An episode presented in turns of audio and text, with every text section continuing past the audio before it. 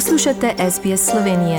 Prisluhnite še drugim zanimivim zgodbam na sbsp.com.au pošiljka Slovenije. Prijazen pozdrav, spoštovani rojaki. Za celotno Slovenijo je od petka razglašena velika požarna ogroženost naravnega okolja, zato je prepovedano kurjenje in izvajanje aktivnosti, ki lahko povzročijo požar. Slovenijo je namreč zajel vročinski val, ko se temperature že drugi teden zapored ne spustijo pod 32 stopinj Celzija, ponekod pod 37 stopinj Celzija. Najbolj so se te razmere poslabšale v srednjem delu Slovenije, na notranskem in v Ljubljani z okolico, kjer je tako imenovana izjemna suša, ki traja neprekinjeno že peti teden. Sredi poletne pripeke pa se je z napovedjo kandidatur že začela tudi volilna kampanja pred jesenskimi predsedniškimi volitvami. Ta je že od najave prvih kandidatur zanimiva, saj so v spredju predvsem ženske.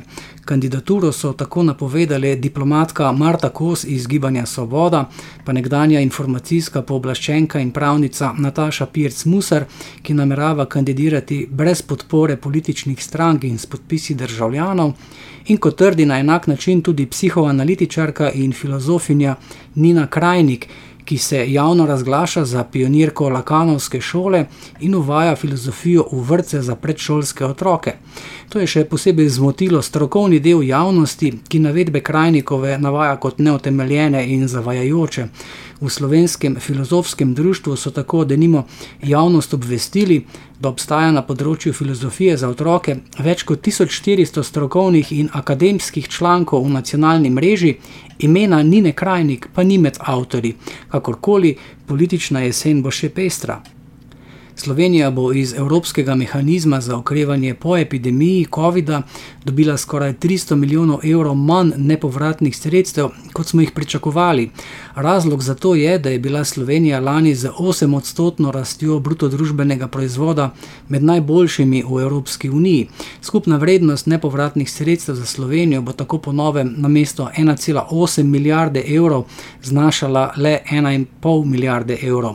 Predsednik vlade Robert Golop je v odzivu na novico dejal, da je vzrok za zmanjšana sredstva v sporazumu, ki ga je podpisala prejšnja vlada.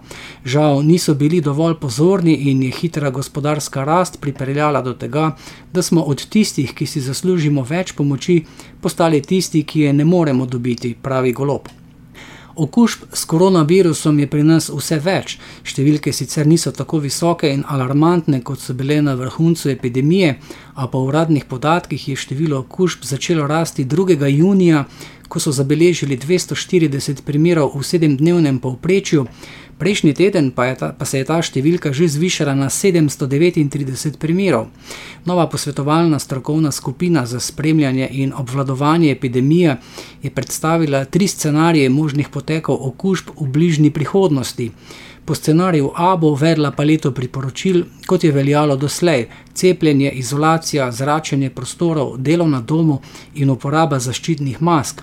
Scenarij B bi pomenil nevarnejšo bolezen, tveganje za hud potek bolezni pa bi bilo na ravni prejšnjih različic.